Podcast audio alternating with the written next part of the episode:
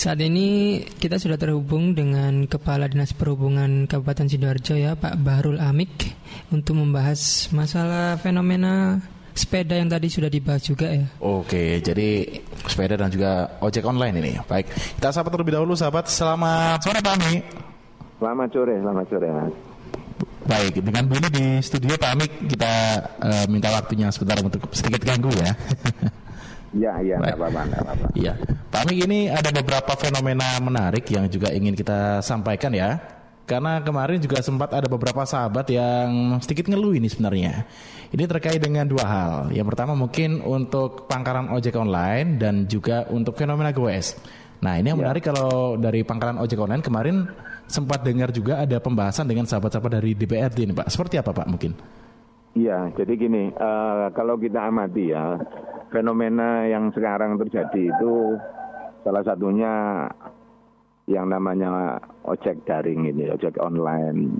Nah ini kan satu sisi memang demand kebutuhan masyarakat ini kan nggak bisa dihindarkan bahwa mereka ini kan kehadiran mereka itu sudah jadi kebutuhan publik. Tapi satu sisi kehadiran mereka ketika tidak ditata diatur ini juga menjadi masalah tersendiri.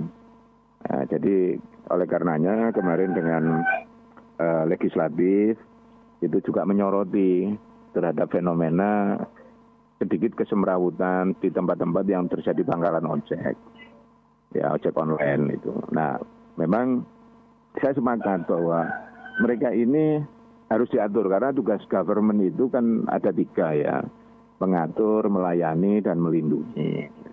Nah kalau nanti untuk yang ojek-ojek online ini ya jangan sampai kesannya itu liar. Nah kemarin alhamdulillah Betul. saya juga melihat yang di wilayah Medaeng itu yang di Bungurase banyak kan dia harus menjemput penumpang dari sana. Mereka ini sudah membentuk paguyuban dan sudah dilegalkan di akta notaris. Baik. Itu memang saya dorong supaya nanti kehadiran mereka itu menjadi legal gitu loh. Baik. Nah, termasuk nanti Jalan Pahlawan yang juga dekat dengan pusat keramaian di kota itu nanti juga memang harus harus dirembuk bareng gitu ya minimal nanti dia tidak mengganggu pelajaran lalu lintas.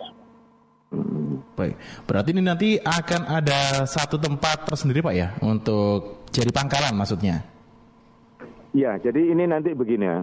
Uh, saya memang perlu harus ajak komunikasi dengan manajemen dari angkutan-angkutan daring ini supaya nanti mereka itu juga kita libatkan itu juga sebagai subjek untuk pendesain gitu ya atau mewujudkan. Yang jelas memang kan tidak memungkinkan kalau misalnya tempat ini kan ketika nanti jauh dari kebutuhan publik itu seperti itu kan tidak memungkinkan karena mereka ini kan menjemput setelah itu nanti dia berangkat menjemput berangkat seperti itu. Baik, jadi uh, pastinya nanti lebih tertata Pak ya dan juga tidak semrawut betul, begitu pokoknya. Betul. Baik. Kemudian Pak, ini eh, langkah paling dekatnya seperti apa Pak? Selain tadi dilakukan audiensi mungkin ada ya, pendataan nanti dan lain-lain. Nanti saya akan akan uh, undang beberapa nanti manajemen daring itu on, on, on apa uh, angkutan daring ini kita ajak ngomong lah karena uh, tidak harus lalu nanti perwujudan itu dari anggaran pemerintah daerah tapi mereka kan punya CSR, ya nanti digunakan Betul. untuk itu supaya kehadirannya itu nanti lebih kelihatan ya dan tapi lebih tertata gitu. Baik. diakui oleh pemerintah, tapi jangan sampai nanti kehadirannya tidak ditata gitu. Baik. Dan harus ada kompromistis yang baik itulah intinya. Baik, jadi fasilitasnya nanti juga bisa dari mereka sendiri, Pak ya? Iya, iya, iya. Ya. Karena Pak. nanti kan biasanya begini, kalau nanti pemerintah itu harus di sini, ternyata demandnya itu kan udah sesuai. Makanya ini kan harus ada kompromi-kompromi, termasuk di lingkungan sekitarnya, jangan sampai kehadirannya jadi gangguan kan gitu. Betul. Apalagi kalau kita lihat di Jalan Pahlawan, memang ini kadang-kadang pencar-pencar pak ya di Jalan Pahlawan ini. Mm -mm. Baik, itu kalau dari fenomena ojek online Pak yang masih belum ada tempatnya ya. Ini sekarang yes. yang lebih menarik lagi fenomena goes Pak. Seperti yang tadi saya sampaikan di awal. Ini fenomena goes tidak seperti 10 tahun yang lalu ya. Mungkin kalau fiksi 10 tahun yang lalu ini masih tertata Pak. Tapi sekarang ini membludak. Ini kalau dari Dinas Perhubungan sendiri menyikapinya seperti apa Pak? Uh, begini, memang ini kan uh, di luar dugaan kita ya, di luar dugaan dari teman-teman yang ada di urusan perhubungan itu, urusan transportasi, di mana pandemi COVID itu ternyata uh, animo masyarakat untuk gowes itu sangat tinggi, bukan hanya di sidoarjo saja ya, tapi Seluruhnya termasuk ya? mungkin hampir merata ini di Indonesia ini, termasuk Jakarta ini kan juga luar biasa juga. Kalau angkanya mencapai meningkat seribu persen, nah itu kan luar biasa gitu. Seribu persen. Nah, gini, karena memang kondisional seperti ini, ini kan jadi pemikiran. Nah, kami juga masih uh, artinya konsolidasi. Sebaiknya seperti apa sih nanti itu aturan mainnya itu bagi pengguna uh, jalan itu yang para penggowes-penggowes itu, mas. Nah, kalau saya juga mengikuti bahwa uh, Kemenhub ini melalui perhubungan darat itu juga lagi menyiapkan beberapa panduan ini terkait bagaimana privilege untuk penggunaan uh, sepeda angin ini. Nah, harapan kita juga begitu, jangan sampai nanti kapasitas jalan kita kan harus kita ukur gitu kan. Kalau nanti diambil untuk penggowes-penggowes itu ya nanti jadi angkutan bermotor atau kendaraan bermotor itu juga menjadi terganggu kan itu. Baik. Apalagi kemarin juga sempat uh, kita hubungi juga sahabat-sahabat dari komunitas Gowes ya Pak ya. Sebenarnya ini sudah ada sejak tahun 2017. Mereka sendiri kaget dengan fenomena yang terjadi saat ini. Bahkan yang disayangkan ini kebanyakan banyak yang memakan jalur cepat Pak atau menengah ini ya kalau ya. uh, Ini apa tidak ada rencana mungkin dibuatkan jalur terlebih dahulu Pak? Mungkin tidak mengganggu pengguna jalan raya dan mungkin juga tidak sampai mengganggu pejalan kaki ini Pak. Iya, ini juga yang salah satu yang agenda yang juga kita pikirkan supaya nanti itu gowes itu juga aman gitu loh ya di jalan raya. Dan para penggowes ini kan juga tentu karena ini pasti pendatang-pendatang baru penggowes ini kan banyak ya. Ya belum tentu dia akan familiar dengan kondisi jalan raya yang begitu padat dengan kendaraan bermotor. Nah, oleh karenanya memang saya mengimbau kepada masyarakat ini termasuk yang pengguna kendaraan bermotor ini agak bersabar gitu karena mereka ini kalau yang namanya orang baru seperti ini kadang-kadang mungkin dalam tanda kutip agak sembrono lah kan gitu ya, agak sembrono Betul. sehingga nanti itu kan menimbulkan apa kecemasan tersendiri itu bagi kendaraan bermotor itu. Ya mudah-mudahan saja nanti ini kan tidak sampai terjadi laka. Tapi kan bagaimanapun harus diantisipasi gitu.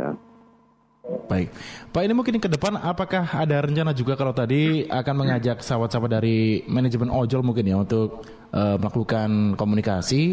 Apakah juga ke depannya akan melakukan komunikasi dengan sahabat-sahabat dari komunitas Gowes atau Fiksi dan lain-lain Pak? Mungkin kalau misalkan ada peraturan baru ya? Iya, yang jelas nanti itu pasti akan kita libatkan ya. Saya kepingin nanti paradigma mendesain kebijakan itu melibatkan uh, masyarakat dalam arti itu yang memang yang ada menaruh kepentingan ada di sana supaya nanti eh, optimalisasi pelaksanaannya itu bisa tercapai gitu. Jadi kan nanti dari eh, manajemen ojol itu sendiri itu ya juga nanti akan kami agendakan kita ajak diskusi, kita ajak rembukan, kita ajak potret di lapangan kan gitu. Jadi sama-sama nanti itu kalau saya lebih senang itu kan langsung on the spot ya supaya nanti itu tidak terlalu banyak diskusi dalam ruangan gitu. Baik, betul sekali. Ya termasuk nanti itu yang penggowes-penggowes itu ya nanti juga akan kita kita mintai masukan dan saran itu. Baik, karena kalau mereka tidak dilibatkan nanti takutnya akan kaget gitu Pak ya. betul, betul, betul, betul. Ya, dan baik. juga di samping itu juga kita, karena gini status jalan dan kewenangan untuk pemangku jalan ini kan juga ada jalan nasional, jalan provinsi, jalan kabupaten dan tentu kan kita tidak kita tidak bisa serta merta kan kemudian nah, nanti ini. mengapling itu ya ya mereka kan juga harus kita memberikan permakluman gitu kan. Baik betul sekali. Baik Pak Baru Lamik, mungkin ini ada pesan-pesan yang ingin disampaikan juga kepada masyarakat. Ini kan juga di tengah pandemi COVID-19 ya. Kalau yang goes-goes ini biasanya kan banyak yang tidak menggunakan masker, kemudian juga bergerombol. Ini mungkin ada pesan Pak yang ingin disampaikan? Ya, ya saya terima kasih ya. Jadi sekarang kesadaran masyarakat itu untuk olahraga, untuk olahraga-olahraga mandiri seperti ini, terus kemudian bersama-sama itu bisa berjalan. Tapi jangan lupa bahwa kita ini masih dalam masa pandemi, pandemi COVID. Ya oleh karenanya protokol kesehatan harus dipakai, harus dipakai. Jadi jangan karena merasa sehat terus kemudian mengabaikan protokol kesehatan. Ini yang kita sayangkan. Jadi mereka jangan karena sudah berkeringat terus kemudian abai mengabaikan dengan apa uh, protokol kesehatan. Terus kemudian termasuk jaga jarak, physical distancingnya itu harus dijaga juga. Jangan nanti itu ngelompok karena seneng terus kemudian di situ akhirnya lupa bahwa ini Betul. masa pandemi gitu ya. Betul. Nah ini memang harus sama-sama. Jadi kalau pemerintah itu terus mendorong supaya ini kan sudah menjadi habit gitu ya, menjadi habit, jadi sebuah kebiasaan yang nantinya ke depan ini kita ini sudah automatically gitu loh. Seperti kita sekarang ini membiasakan keluar dari rumah harus pakai masker itu kan harus jadi habit. Kalau enggak nanti ini kita lupa bahwa ada bahaya yang mengancam di sekitar kita itu. Baik, betul sekali itu Pak. Baik, kalau begitu terima kasih Pak Baru Lamik atas semua informasi dan juga pesan-pesan yang disampaikan kepada pendengar tadi. Semoga juga yang saat ini rajin gowes juga saat mendengarkan bisa paham Pak ya. Akan iya, pentingnya iya, juga iya, menjaga diri begitu, sendiri. Begitu. Baik. Uh, ya, terima kasih uh, suara Sidoarjo. Mudah-mudahan penjelasan ini bermanfaat untuk semuanya. Baik, terima kasih kalau begitu Pak Baru Lamik. Wassalamualaikum warahmatullahi wabarakatuh. Iya, Waalaikumsalam warahmatullahi wabarakatuh.